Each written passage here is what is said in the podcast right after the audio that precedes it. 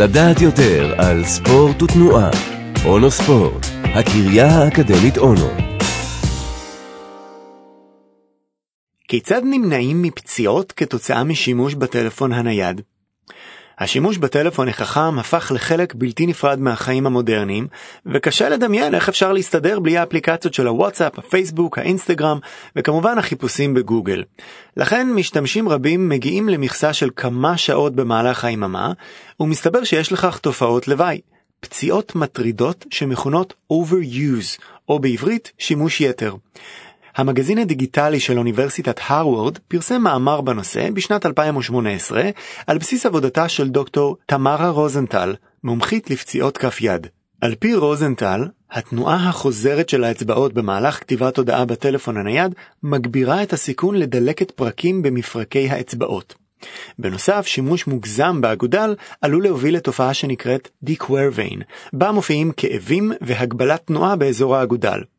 במידה ולוחצים חזק מדי על המסך, עולה הסיכון ל-trigger finger, תופעה שבה קשה לכופף את האצבעות והן אף עלולות להינעל במצב כיפוף. שימוש מוגזם בטלפון הנייד מעלה את הסיכון לתסמונת התעלה הקרפלית. carpal tunnel syndrome, שבה נוצרת דלקת בשורש כף היד, וכתוצאה מכך מופיעות תחושות של נימול, הירדמות וכאב באצבעות. ולא רק באצבעות.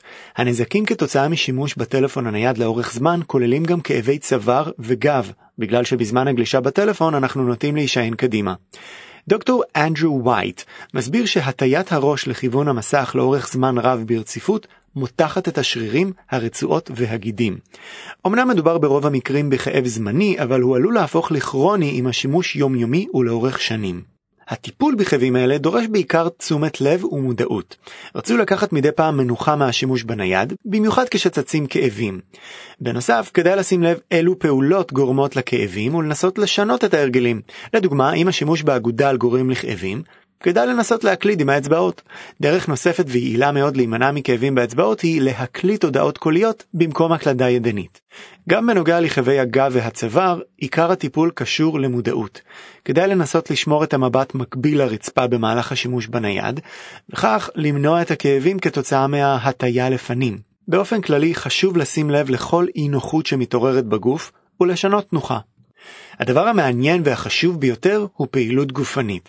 על פי מחקרים, אנשים פעילים גופנית נפצעים פחות כתוצאה משימוש יתר בטלפון הנייד.